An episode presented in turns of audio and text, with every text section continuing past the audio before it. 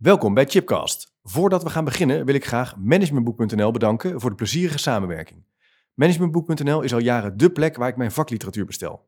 En we zijn in het kader van Chipcast een leuke samenwerking gestart. Op www.managementboek.nl/slash chipcast vind je een overzicht van de boeken die de revue passeren in de Chipcast-afleveringen.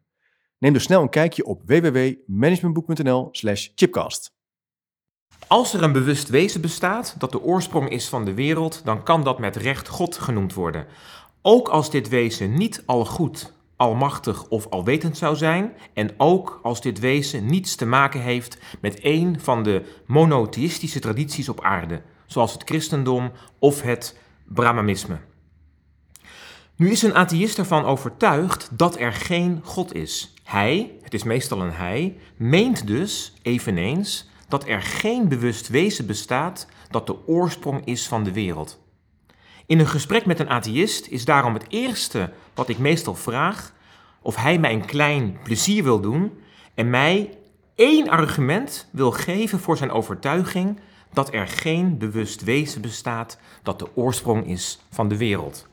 Door slechts één argument te vragen, leg ik de lat bewust laag. Ook merk ik meteen op dat je prima atheïst kunt zijn zonder ook maar één argument ervoor te hebben. Dus zeg ik meestal: sla mijn verzoek gerust af als je geen enkel argument hebt. Geen enkel probleem. Vervolgens valt het meestal stil. Het komt blijkbaar niet vaak voor dat een atheïst nadrukkelijk wordt gevraagd om zijn, het is zoals gezegd meestal zijn, opvatting dat er geen bewust wezen bestaat, dat de oorsprong is van de wereld, te beargumenteren. Soms probeert men de bewijslast bij de theïst te leggen. Laat de theïst maar beargumenteren dat een dergelijk wezen wel bestaat.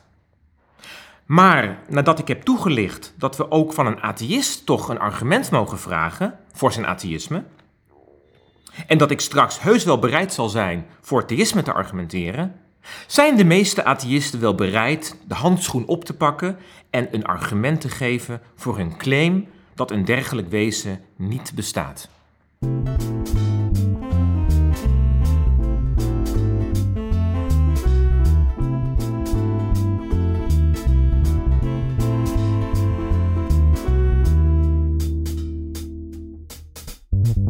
Welkom bij een nieuwe aflevering van Chipcast, een programma waarin ik op zoek ga naar verrassende antwoorden en nieuwe perspectieven op vragen die mij bezighouden. En in deze podcast, de eerste die ik opneem in 2020, heb ik een bijzonder interessante gast aan tafel. En dat is Emmanuel Rutten. Het lijkt me relevant Emmanuel eerst te introduceren om vervolgens de hoofdvraag van deze podcast toe te lichten. Emmanuel Rutten is filosoof en als onderzoeker en docent verbonden aan de faculteit Geesteswetenschappen van de Vrije Universiteit in Amsterdam. Zowel binnen het Abraham Kuyper Centrum voor Wetenschap en de Grote Vragen, als binnen het Centrum Ethos voor Maatschappelijke Transformatie. Het onderzoeks- en onderwijsterrein van Emmanuel omvat de relatie tussen geloof en wetenschap. Het evalueren van de rationaliteit van seculiere en religieuze wereldbeelden, kennisleer en speculatief realisme, logica en retorica en esthetiek.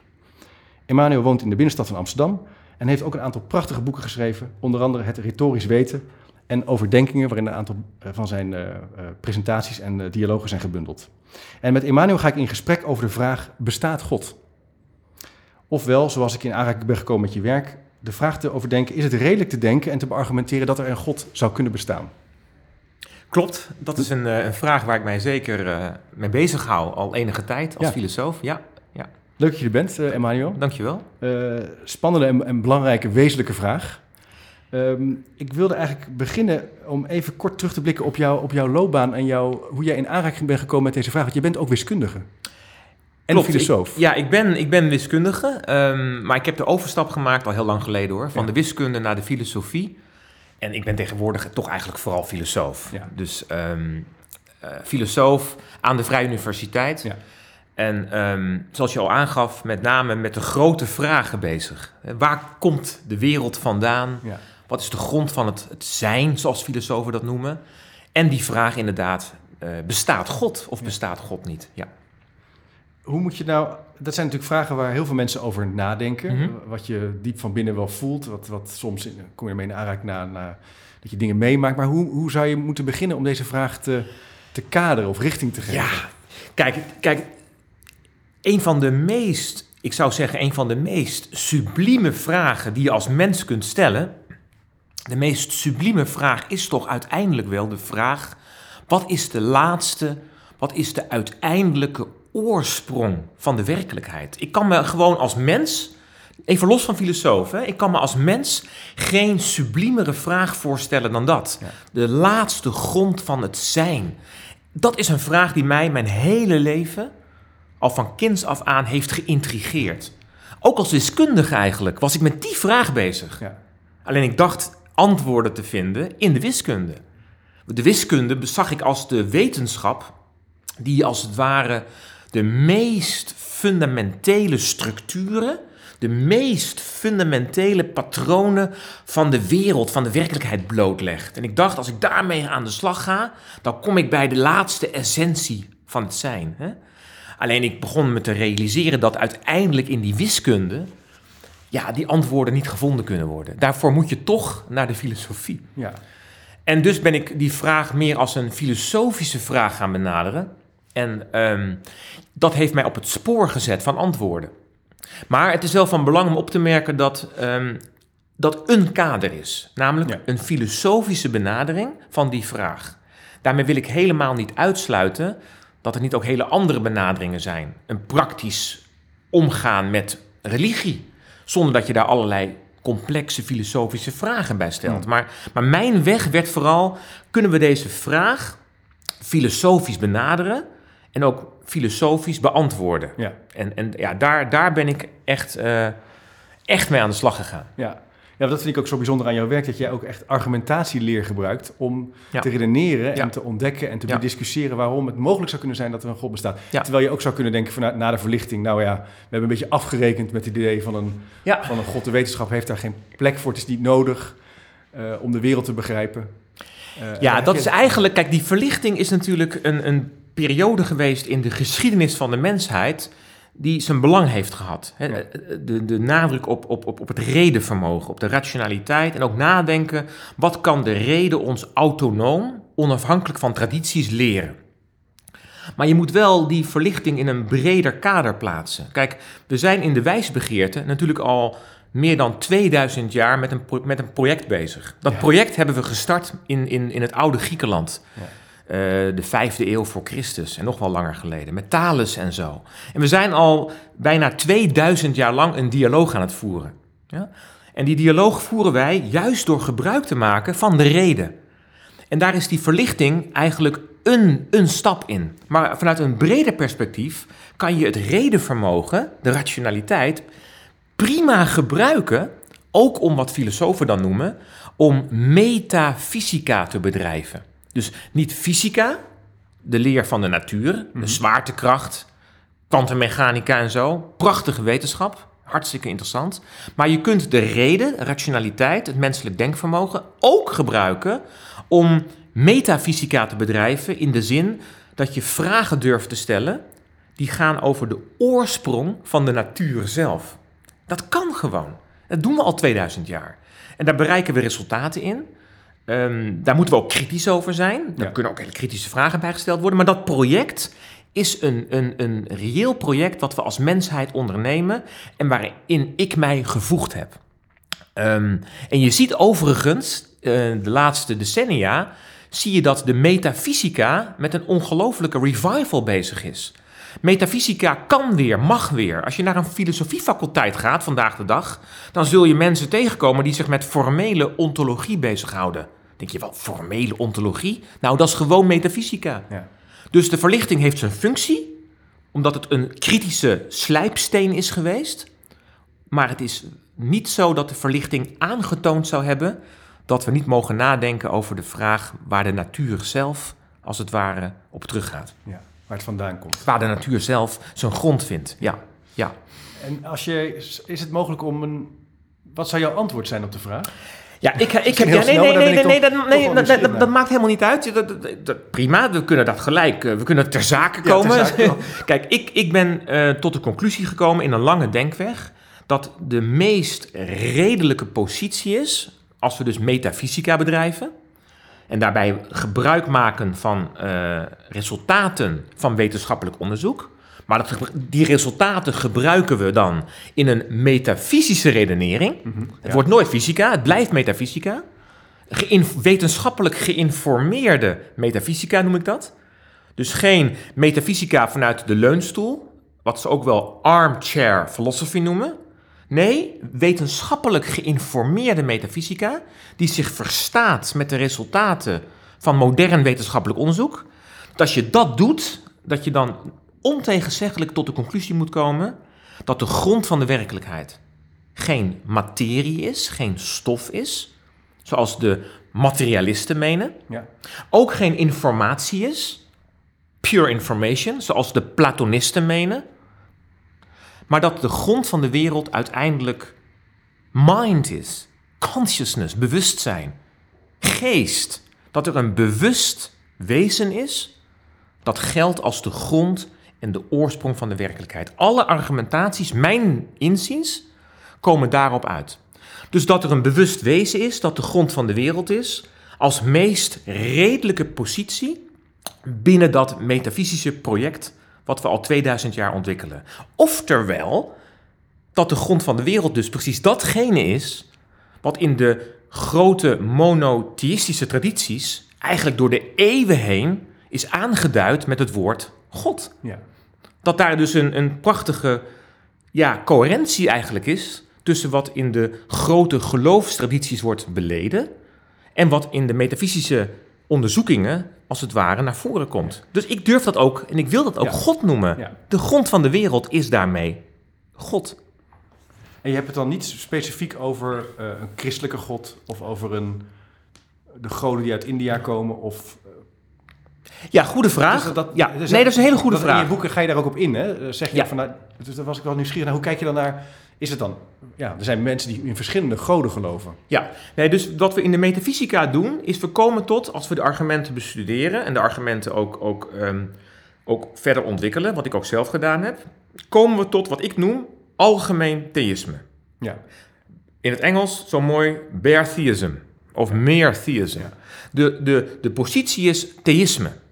Heb je nog geen christelijke God? Nee. Heb je nog geen Joodse God? Heb je nog geen islamitische God? Nee, je hebt de, de metafysische conclusie dat de natuur zelf teruggaat op mind, consciousness, geest. Bewustzijn is de, wat de Grieken zo mooi noemen, bewustzijn is de arche, de grond. Ehm, om dan vervolgens de stap te maken van algemeen theïsme naar een bepaald specifiek godsbeeld.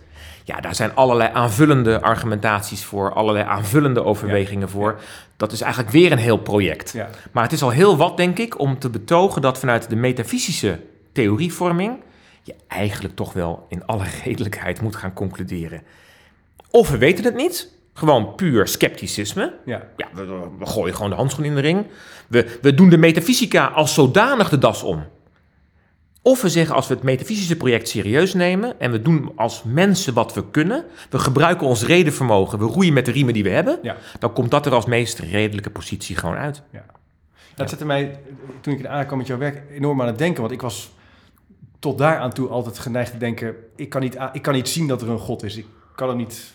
eh, Ja. hè, ik kan, Ja. Er is geen argumentatie die ik kan zien. Ja. Eh, in de wetenschap zie ik het eigenlijk ook niet terug. Ja. Er zijn zoveel verschillende goden. Ik denk dan dat er niet een God bestaat. En jij zegt eigenlijk, nou, het is redelijk om te denken dat je... Ja, ik weet het eigenlijk niet. Nee, ik begrijp jouw vraag. Ik begrijp ja. jouw vraag. Kijk, kijk, we kunnen natuurlijk nu een aantal van die argumenten gaan bekijken, maar laten we eens inderdaad jouw weg volgen. Laten we eens gaan kijken naar de gedachten die ons kunnen brengen op het spoor dat er geen God is. Kijk, neem nou die uitspraak, we komen God in de wetenschap niet tegen. Hè? Neem die uitspraak nou. Nou, kijk, het aardige is dat Thomas van Aquino, een groot denker natuurlijk, een christelijk denker, een middeleeuws denker, die zei in de 12e eeuw al dat wij uiteraard God in de wetenschap niet tegenkomen en ook helemaal niet tegen willen komen. Want, zegt Thomas van Aquino terecht, God is geen object binnen de natuur.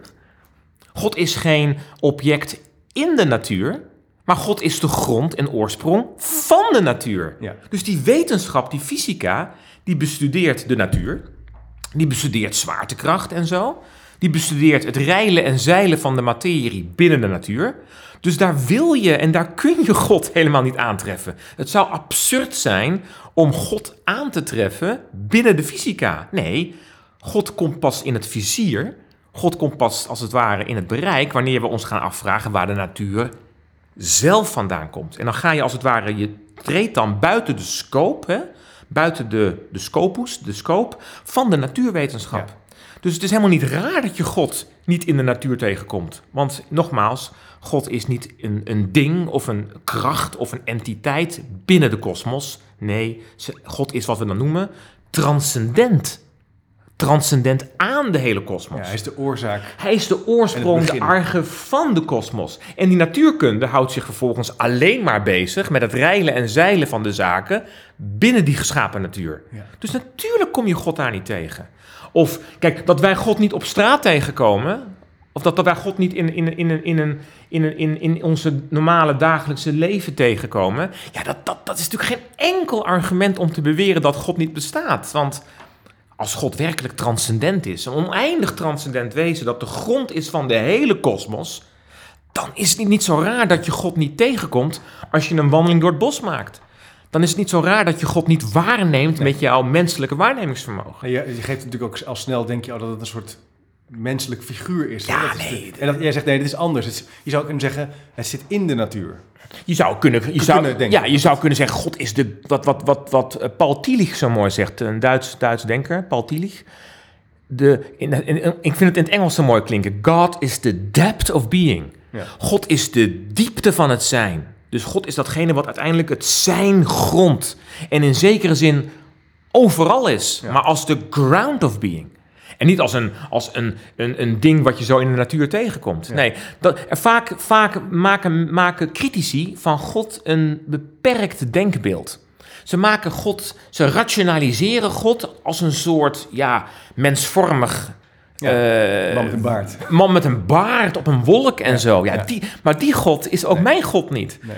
Nee, je moet een heel ander, meer metafysisch beeld gaan krijgen. Je moet een, wat we dan noemen, een metafysische denkhouding gaan aannemen. Het heeft ook met bewustzijnsverruiming te maken. Dat je als het ware je bewustzijn verruimt en dat je als het ware je wilt laten toetreden tot de denkhouding van de metafysica. Ja. En dan heb je met een heel ander godsbeeld te maken dan inderdaad een man op een baard. Die we allemaal inderdaad in die zin ook niet zien. Nee, Nee, nee. nee.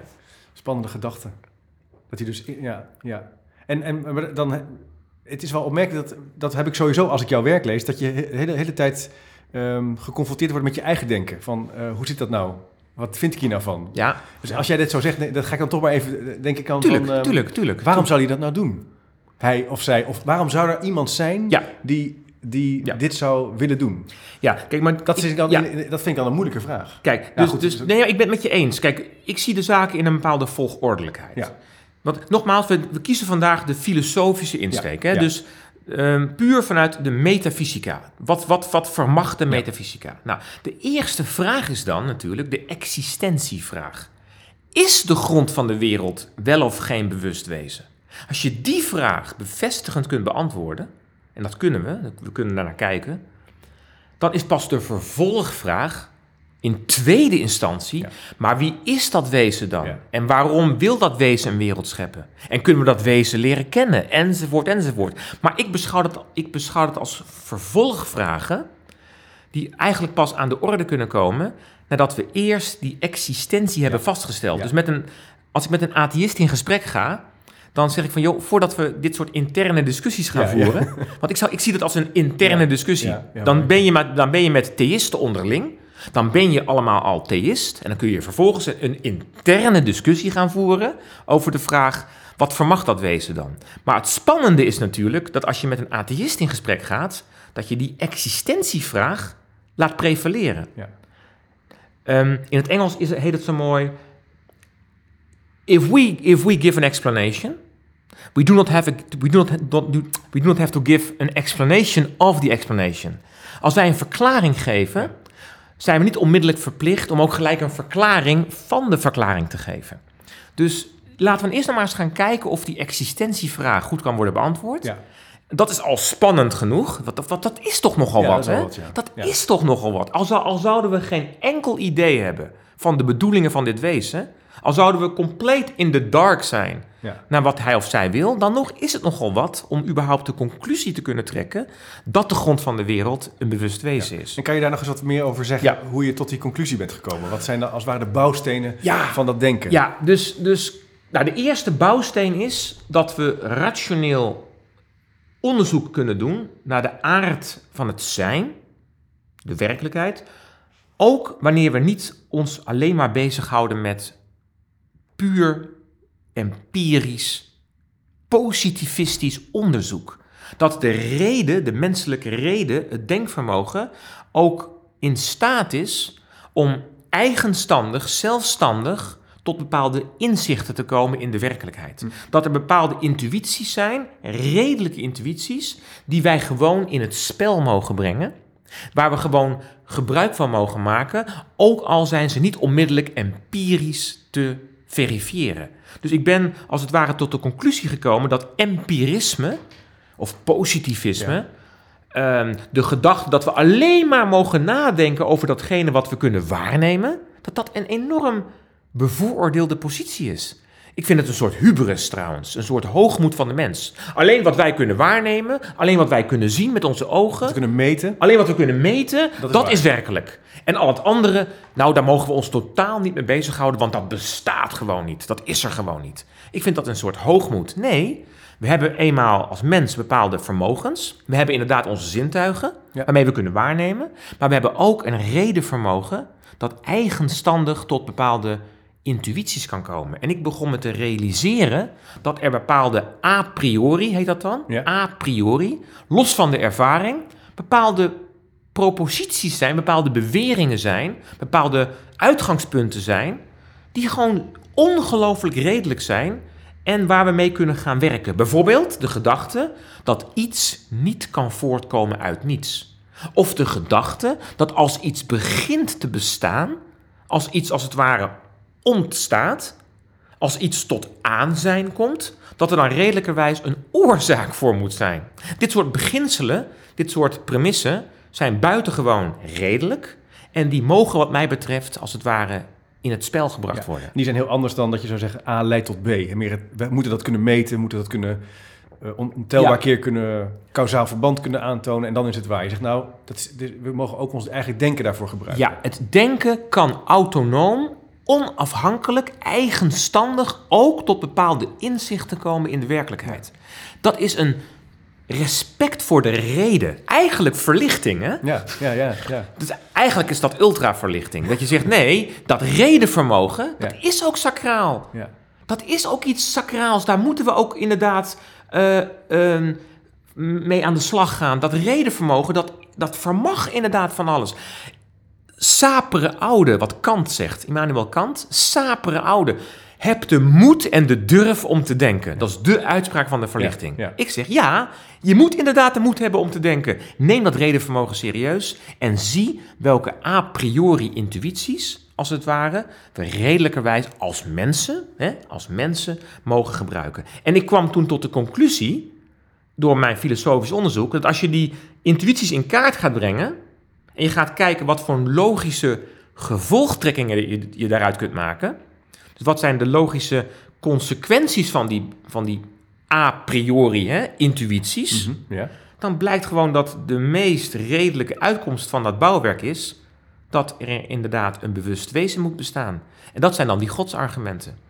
Dus ik kan er eentje bijvoorbeeld kort schetsen als je dat wilt. Graag, ja. Ehm, en dat is, niet, dat is een argument wat, wat in de traditie het, het, het, het, het kalaam-argument wordt genoemd. En dat is een heel, heel toegankelijk argument, wat eigenlijk illustreert wat ik bedoel.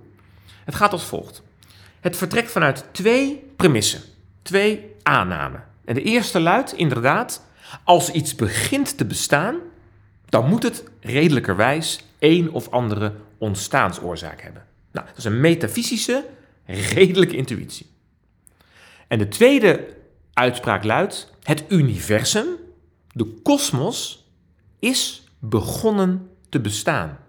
De kosmos, het universum, heeft een begin gehad. Het universum heeft geen oneindig verleden.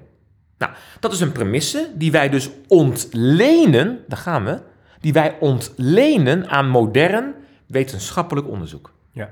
Zoals ik al eerder aangaf, ik wil een wetenschappelijk geïnformeerde metafysica.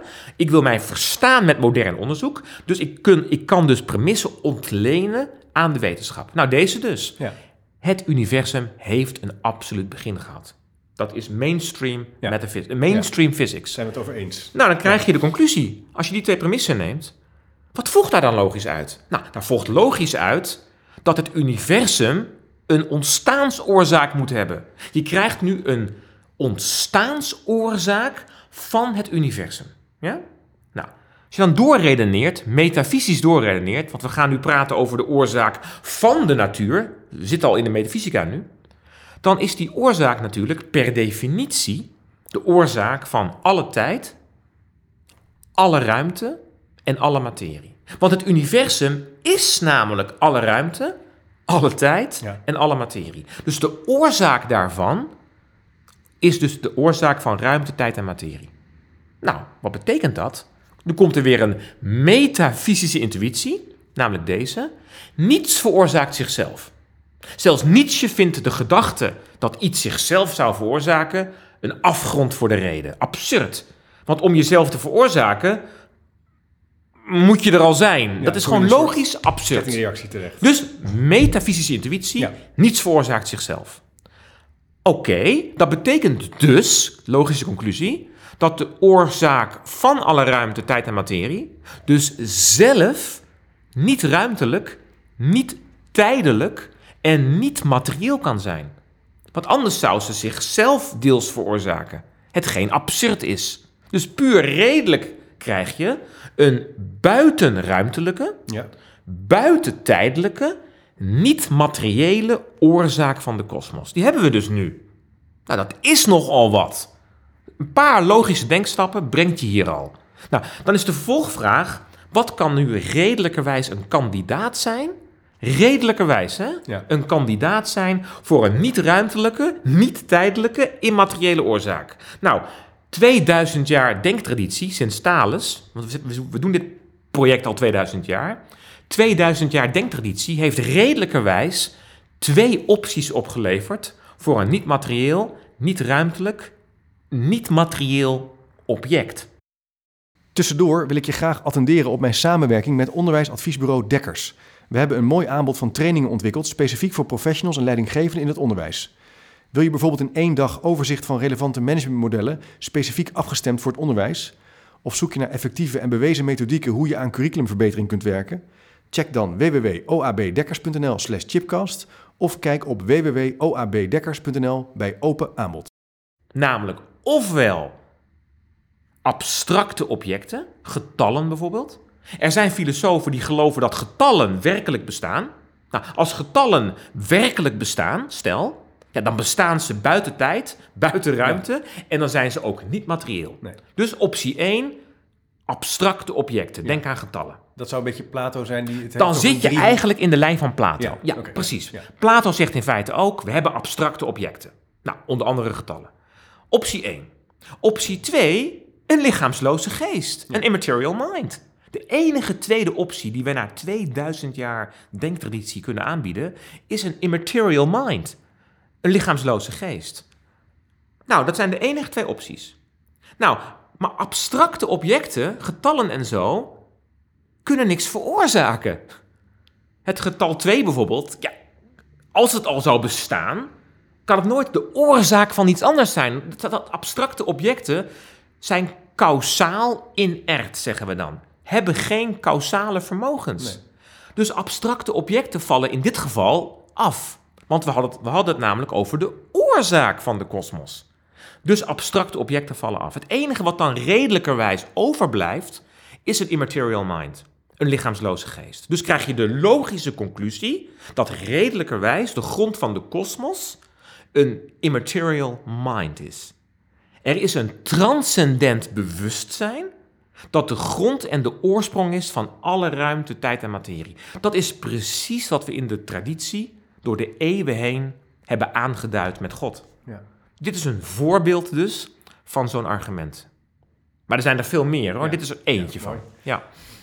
En je hebt het ook, hierbij eh, is het begrip en concept van intuïtie belangrijk. Hè? Ja. Dat je dit dus kan, kan Ja. voelen, kan bedenken, zonder dat je dat kan toetsen met een dubbelblinde steekproef. Ja. Eh, ja, de rol van intuïties. ja. Ik als filosoof ben van mening dat dus a priori intuïties van fundamenteel belang zijn voor het denken überhaupt. Ja. Dus ehm, het is gewoon buitengewoon redelijk om die intuïties in te zetten. Kijk, als wij niet meer kunnen zeggen tegen elkaar dat het redelijk is om te denken dat iets niet kan voortkomen uit niets, als dat niet meer mag, ja, dan houdt alles op. Ja. Dit zijn zulke fundamentele intuïties Ja. dat alle wetenschap uiteindelijk ook alle wetenschap in laatste instantie is gegrond, is gefundeerd in deze intuïties.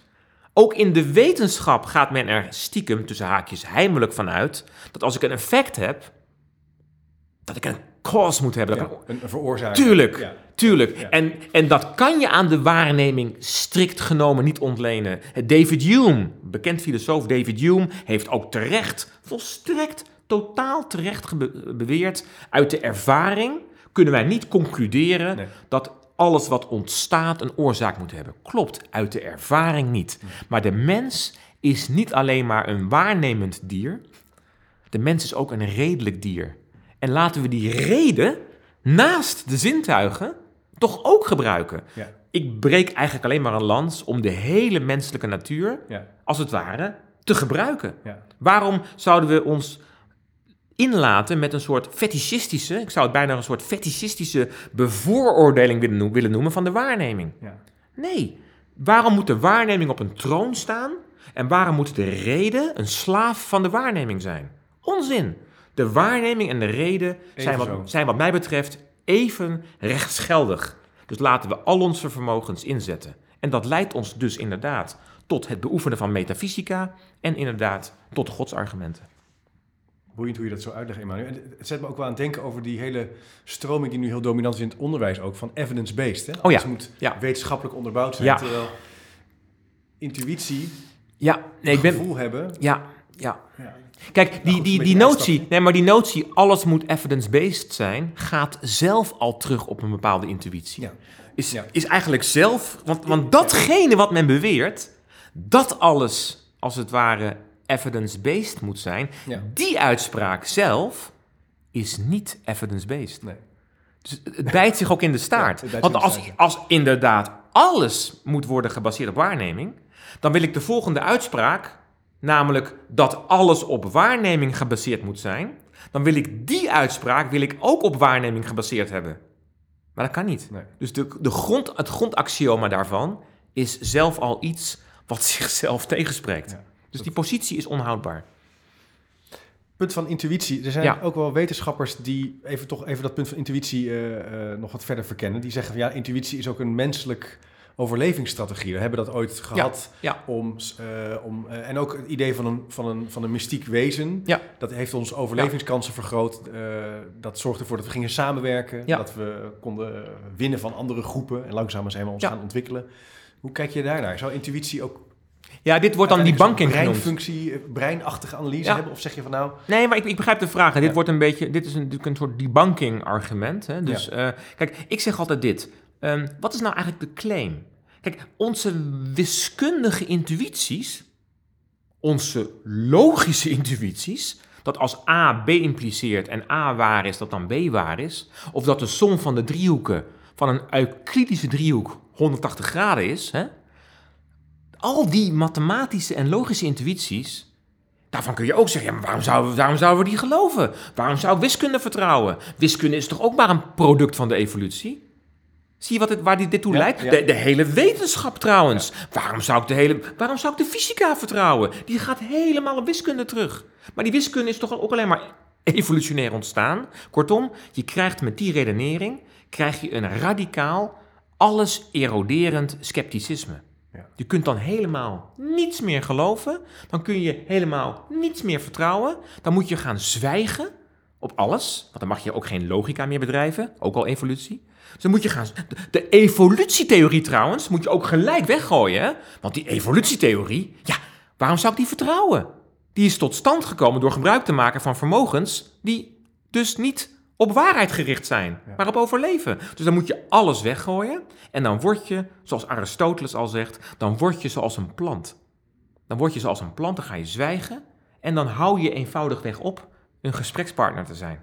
Dan participeer je gewoon niet meer in het redelijke gesprek wat we al sinds Thales 2000 jaar voeren. Dan plaats je jezelf eigenlijk buiten de rationaliteit. Je plaatst jezelf buiten de redelijkheid en je zegt: Ik doe niet meer mee. Oké, maar dan verlaat je de metafysica. Dan verlaat je het discours en dan, moet je een, dan mag je ook niks, maar dan ook helemaal niks meer geloven. Nou, zo'n radicaal scepticisme, je voelt gewoon, alweer gevoel, something has gone wrong here. En natuurlijk, er is hier iets wat niet, als het ware, doordacht is. Dit is een te radicale positie. Het bijt zichzelf volledig in de staart. Ja, interessant is het, het, het plaatst je erbuiten eigenlijk, hè? Als je dat doet. Dat is juist wat je niet wil. Ja, dan ben je geen dialoog meer aan het voeren. Dan ben je geen gesprekspartner meer. Nee. Waarom zou ik jouw uitspraken nog, nog, nog aannemen?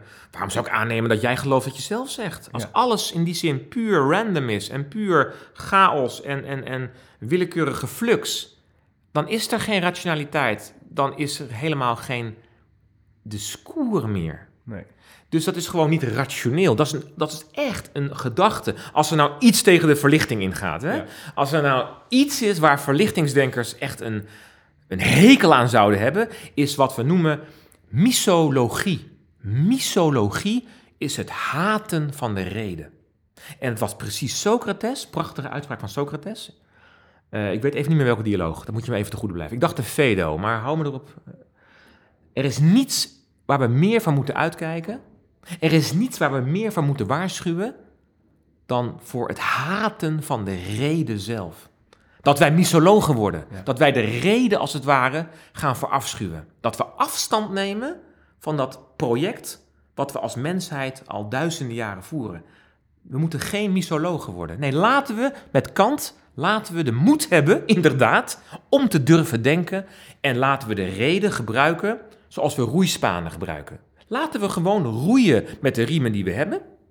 Want die hebben we nou eenmaal. En dan kijken we wel waar we rationeel op uitkomen. Ja. Nou, in mijn geval is de stelling dan, als je dat gewoon doet, als je die, als je die verlichtingsdurf hebt, zeg maar, Ja. dan kom je uiteindelijk rationeel gewoon uit bij de conclusie dat, dat de grond van de wereld inderdaad moet worden aangeduid met God. Alles in zijn redelijk argument. Ja. Ja, het, het- Ja, dat is kan ook- anders. Ja, het, en ik, ik gebruik ook het woord alleszins redelijk. Ja. Heb je perfect geformuleerd. Want natuurlijk zijn het geen wiskundige sluitende bewijzen. Ik zeg altijd, we gaan hier niet praten over onfeilbare bewijzen. Zoals we in de wiskunde kunnen doen. Hoewel zelfs daar ook niet helemaal, maar goed. Vooruit. Kijk, het blijft filosofie. We laten gewoon zien dat theïsme de meest redelijke positie is. Dat het het meest redelijk is om er inderdaad vanuit te gaan dat de grond van de wereld mind is, bewustzijn. En dat doen we. Het is gewoon de meest redelijke positie. En dat vind ik al heel wat. En dat is eigenlijk het, het, het, het, het doel van de metafysica. Wat is gezien de positie die wij als mensen hebben, de meest redelijke worldview, wereldbeeld? Ja. En dat is het project. Ja. En als je redelijk wilt zijn, juist als verlichtingsdenker denk ik altijd, als je redelijk wilt zijn, dan moet je, wat we ook in het Engels zeggen, you have to follow the evidence where it leads. Ja. Just follow the evidence. Wherever it leads. Dat is mijn pleidooi. Dus dat is ook het pathos wat ik wil inbrengen. Ja. En als we daar dan aankomen en we, we zeggen dus, concluderen dat het alles in zijn redelijk is, dat er een gedachte of een wezen is wat de wereld heeft toen eh, laten starten, Ja, een oorzaak. Ja, ja. Wat betekent dat voor mensen? Nou, kijk, dus Dan verlaten we misschien een beetje je Nee, dat, maar dat, toch- dat, dat vind ik prima. Dat mag Ja, ook. Dus ja. kijk, dus, ehm, er zijn mensen als ik die, die gewoon überhaupt los van alles geïnteresseerd zijn in hoe de wereld in elkaar Ja. zit. Dat is ook het pathos van de wetenschapper. We willen gewoon weten hoe het zit. Dat is voor mij al voldoende rechtvaardiging. Ja. Het, is voor mij, het is voor mij al betekenisvol genoeg om gewoon bezig te zijn met de vraag: wat is de laatste aard van de werkelijkheid? Daar zit al zoveel betekenis in. Voor mij is dat op zich al voldoende. Hè? Maar natuurlijk is het ook zo dat als je eenmaal die, die metafysica serieus wil nemen en je komt tot die redelijke conclusie, dat je dan moet gaan afvragen: als er dan een God is, als er dan een God is, dat zou zomaar eens praktische gevolgen kunnen hebben. Want ja, Ja. het is namelijk buitengewoon redelijk, gaan we weer, om te denken dat als er een God is die de wereld heeft geschapen, dan ligt het voor de hand dat dit wezen zich waarschijnlijk ook bekend heeft willen maken. Dat is niet onredelijk om te denken. Dan is het op zijn minst te vermoeden dat er dan een traditie in de wereld moet zijn, ergens, waar dan dit wezen, als het ware, ook eh, ja, Zich manifesteert. zich manifesteert. Dan heeft dit wezen zich waarschijnlijk bekend willen maken. ja. Dus ja, als je dan gaat kijken, wat zijn dan de opties? Wat ligt dan voor ons? Ja, dan kom je dus uit bij monotheïsme. Hè, want we hebben het hier over een god. Dus je komt dan uit bij theïsme. Ja, dan heb je gewoon een aantal grote tradities in de werkelijkheid. eh, waar misschien wel deze god ontmoet zou kunnen worden. En dat zou dus een redelijke ingang kunnen zijn om ehm, religie, theïsme, gewoon als een redelijke optie te zien. Om gewoon eens contact te gaan maken met een religie en eens te gaan kijken van... hé, hey, waar zou ik dan deze God kunnen ontmoeten? Ja. En dan kom je inderdaad bij vragen omtrent het geloof uit. Maar ik denk dan zelf als christen, hè, ik ben naast filosoof... Ik zeg ook heel nadrukkelijk naast filosoof. Hè? Ik ben naast filosoof, ben ik christen. Ik geloof dat uiteindelijk die God gevonden kan worden in de traditie van het christendom. Ja, dat is mijn, dat is mijn geloof. Ja. Dat, Ehm, overigens, dat is wel interessant misschien, kan zelfs die stap redelijk betoogd worden. Dus als we dan toch binnen het discours van de redelijkheid blijven, zijn er zelfs redelijke argumenten te geven voor de stelling dat de God van de werkelijkheid in feite de God is waar het christendom al sinds eeuwen van getuigt. Dus die, die, die, die weg kun je ook vanuit de reden afleggen. Maar niet alleen natuurlijk. Nee. Heeft ook te maken met beleving, met ervaring, met gevoel. Met een existentieel contact maken met een traditie. En zien wat het met jou doet. Hè? De, de contrastervaring die het met jou kan, kan doen natuurlijk. Dat heeft er allemaal mee te maken. Maar als we dan in het spoor van de redelijkheid zijn vandaag. Je kunt eh, ook daar redelijke argumenten voor inbrengen. Maar in ieder geval krijg je dan weer een klimaat, denk ik, zeker in West-Europa, wat natuurlijk een buitengewoon seculier klimaat is, krijg je in ieder geval weer een intellectueel klimaat waarin geloof in God weer mee mag doen. Ja. Waarin gewoon geloof in God weer als een redelijke optie in het mandje van opties mag meedoen. Dat het gewoon weer wordt gezien als een, wat filosofen noemen, een live option. Van ja, dat is een hele concrete mogelijkheid. Ja. In plaats van dat gelovigen worden weggezet als idioten, als, als, als, Niet eh, geëmancipeerd. als niet geëmancipeerde idioten die in sprookjes en fabeltjes geloven. Nee, integendeel. Zij zitten fundamenteel gewoon goed. En de enige discussie die overblijft is een interne discussie. Ja. Dat wordt allemaal intern hoor. Bij de welke god dan... Ja, dan krijg je een interne discussie. Ja, is het... Maar, maar, maar, de, maar, de, maar, maar puur rationeel gezien zitten deze tradities gewoon goed. Dus de, de, de bijna ironische conclusie is gewoon dat je kunt alles vinden van die discussies. Van ja, is het nou het christendom, is het nou het jodendom? Prachtige discussies, kunnen we heel veel over gaan spreken. Doe ik ook graag trouwens hoor, daar loop ik helemaal niet voor weg. Nee. Maar je moet je wel realiseren dat grosso modo dit wel zeg maar het, het project is... wat natuurlijk in lijn van die rationele traditie gewoon, gewoon juist zit. Ja. En dat naturalisme en fysicalisme en materialisme... de gedachte dat alles uit stof is voortgekomen... of dat alles is voortgekomen zomaar, zonder enige reden... uit helemaal niets... dat die tradities, met alle respect... de irrationaliteit omarmen. Ja. En dat is wel even een, natuurlijk een, een, een flinke conclusie. Ja. En wij als Westerlingen, zeker na die, na die 20e eeuw, die natuurlijk buitengewoon seculier was en zo. In feite een aberratie in de wereldgeschiedenis hoor, maar goed. Hè? Het is allemaal vrij recent nog, hè? dus het Ja. voelt allemaal heel Ja. werkelijk, weet je wel. Ja, voor ons, ja. Oh ja, dat is natuurlijk een, even, een, dat is even omdenken. Dat is even omdenken. Je moet, e- nee, nee, die tradities zitten rationeel gewoon goed. En we gaan vervolgens gewoon met z'n allen dan in, in, in, in- inderdaad een intern debat voeren. Ja. En ik nodig iedereen natuurlijk uit om aan dat debat natuurlijk ook mee te gaan doen. Ja. En overigens wil ik wel het woord debat nuanceren, want ik wil dat niet op de spits drijven. Ik wil dat eerder aanduiden als een interreligieuze dialoog. Ja. Het woord dialoog vind ik hier mooier en passender dan het woord debat. Nee, het is een dialoog. Maar dat is denk ik ook... Waarin je elkaar ook, ook, ook aan, aankijkt, ook, ook in, recht in de ogen durft te kijken, elkaar ook durft te bekritiseren. En hoe zie je dat dan, hoe zie je dit dan? Maar dialoog. Ja.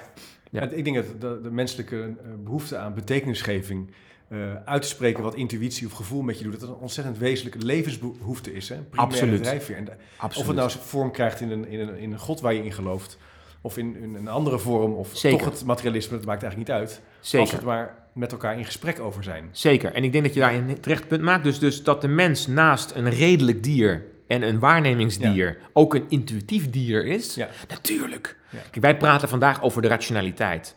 Maar daarmee wil ik helemaal niet gezegd hebben natuurlijk dat de mens alleen maar een rationeel wezen is. Nee, ik heb in mijn eigen leven juist enorm veel behoefte en ook, ook echt ehm, maak ik ruimte juist voor inderdaad die componenten van ervaring en beleving en intuïtie en betekenis Ja. natuurlijk. Ja.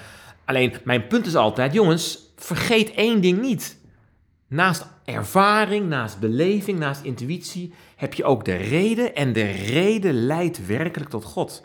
En dat is iets wat door de eeuwen heen als bekend verondersteld werd, Ja. maar dat we in onze tijd gewoon weer eens ja, moeten, moeten, moeten eh, ja, ons, ons realiseren eigenlijk. ja, en opnieuw in het licht zetten. Ja, in, opnieuw in het licht zetten. Ja, Mooi, mooi Ja. Manuel. Leuk eh, en boeiend om met je over te praten. dankjewel. dankjewel. Ehm prachtig eh, gesprek eh, zo om over het bestaan van God met je te praten. En volgens mij hebben we een interessante verkenning gedaan.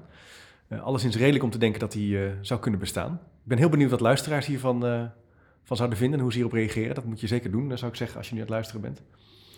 Ehm, ik zou ook even nog willen zeggen, eh, de boeken die Emmanuel heeft geschreven zijn echt de moeite waard om te lezen. Een hele mooie overdenking. Ik weet ook dat eh eh Emmanuel ook blogt op gerutte.nl. Daar staan heel veel van jouw stukken ook op. Die zijn heel toegankelijk en leuk geschreven. Ook op YouTube ga je veel in debat met filosofen die er heel anders over denken. Klopt. Dat is ook ontzettend leuk om, om, te, bekij- om te bekijken. Ehm, bedankt Emmanuel voor je tijd. Leuk dat je naartoe wilde komen. Eh afsluitend wilde ik nog zeggen, schrijf je zeker ook even in op eh, chipcast.nl slash doe mee. Daar krijg- je wekelijks een nieuw gesprek over leren, onderwijs, samenwerken en ook filosofie in je mailbox, gratis en voor niets. Wie wil dat nou niet, zou ik zeggen. En blijf ook luisteren, want eh, binnenkort ontmoet ik ook de filosoof Mieke Moore. Zij doet onderzoek naar, daar zit er een boek over geschreven, geweld in organisaties, over hoe organisaties eigenlijk een doel worden in plaats van een middel. En hoe ze, ze analyseert ordeningstechnieken in organisaties die ook dingen kunnen doen. Moet je denken aan regels, procedures, kaders. En die eigenlijk mensen weerhouden om dat te doen wat nodig is. Ze heeft onder andere ook een jaar in een ziekenhuis meegewerkt en geleefd als filosoof. en Daar een heel mooi boek over geschreven. Eh, dus eh, blijf luisteren, blijf kijken. Bedankt voor je tijd. Emmanuel, hartelijk dank voor, eh, voor het mooie gesprek. En tot de volgende keer maar weer. Dankjewel.